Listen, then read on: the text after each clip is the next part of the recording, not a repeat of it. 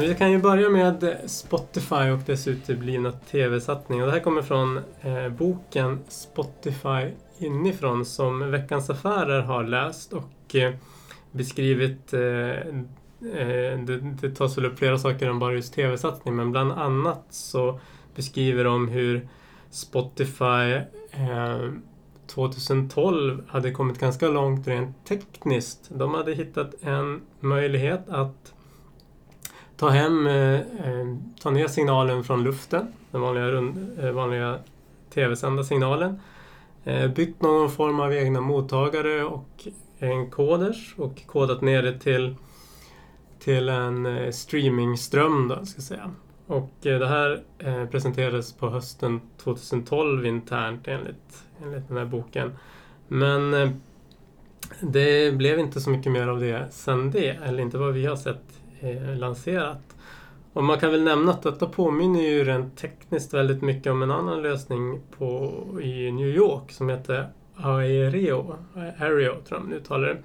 Och de hade hittat ett ställe på Manhattan som var det de kallade The Sweet Spot. Det vill säga, det var ett höghus där de fick in alla free to air, alltså gratis eh, kanaler eh, som, som sändes och eh, kunde på så sätt plocka ner eh, Eh, den signalen och även där koda och eh, göra det tillgängligt för, för streaming.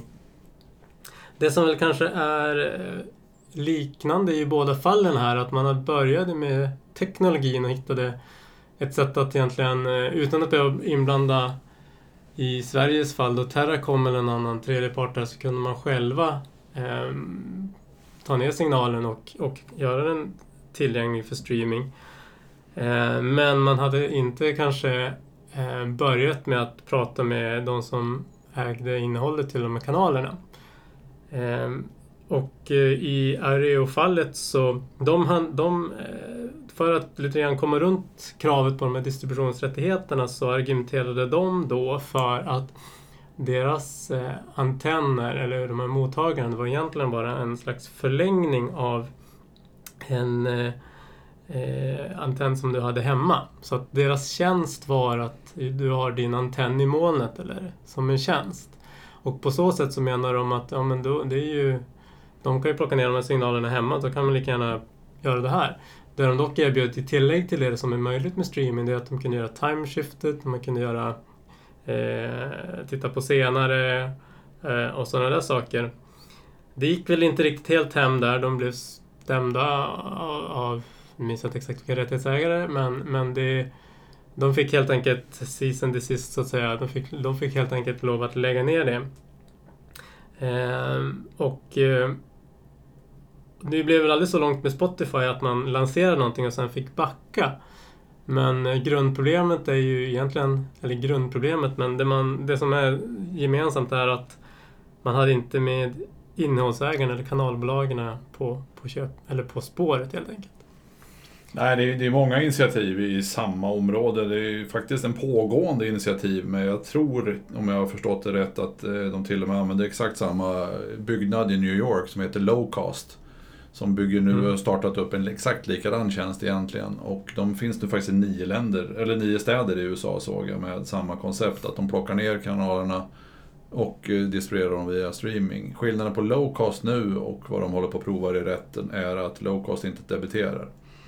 Low cost säger att det är en gratistjänst och ska då enligt vad, vad eh, grundaren där har kommit fram till att han ska kunna komma undan eh, licensavgifterna från, från kanalbolagen. Men att han istället tar in donations. Mm. Så man kan donera till honom frivilligt eh, för att han ska kunna fortsätta. Och han har vad jag förstått fått in en hel del donationer. Frågan är hur länge den businessmodellen håller och frågan om han klarar sig i rätten. Men försöken är identiska i alla fall. Ja, det som blir väl också intressant där det är ju hur man mäter reklamen för de tittningarna mm. och eh, de har väl eh, och hela sådana där problematiker.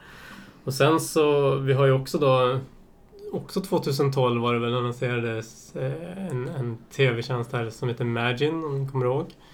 Um, de hade ju faktiskt med sig TV4, i alla fall initialt, eh, deras kanaler. Och, eh, så de hade, ju, och de hade ju faktiskt en överenskommelse. Men jag gissar, utan att veta exakt, att eh, när det då kom till att faktiskt förhandla om vad det skulle kosta de här distributionsrättigheterna då kanske den prislappen blev för dyr, tyckte Imagine.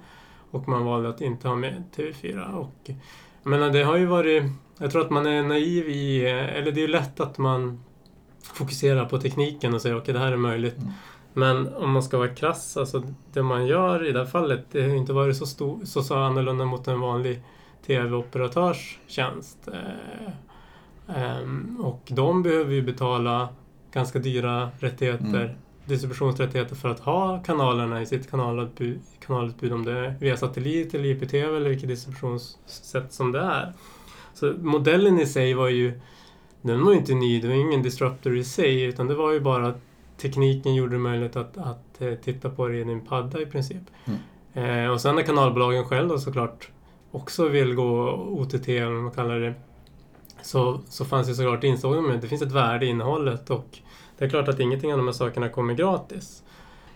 Så det, slutsatsen är att eh, bara för att du skapar en, en online streamingtjänst så eh, behöver du innehåll och det är där stora, stora utmaningarna ligger. Och det kommer nog aldrig finnas, eller jag har svårt att se att det blir en, där man hela tiden pratat om en Spotify för TV, det vill säga att du har en tjänst där du har allt väldigt billigt, nästan gratis. Det, det har jag svårt att se. Ni har lyssnat på Streamingpodden. En podcast för dig som är intresserad av streamingteknik och nyheter i området. Programmet produceras av Ivin Technology, leverantörsoberoende specialister inom videoteknik och mediedistribution.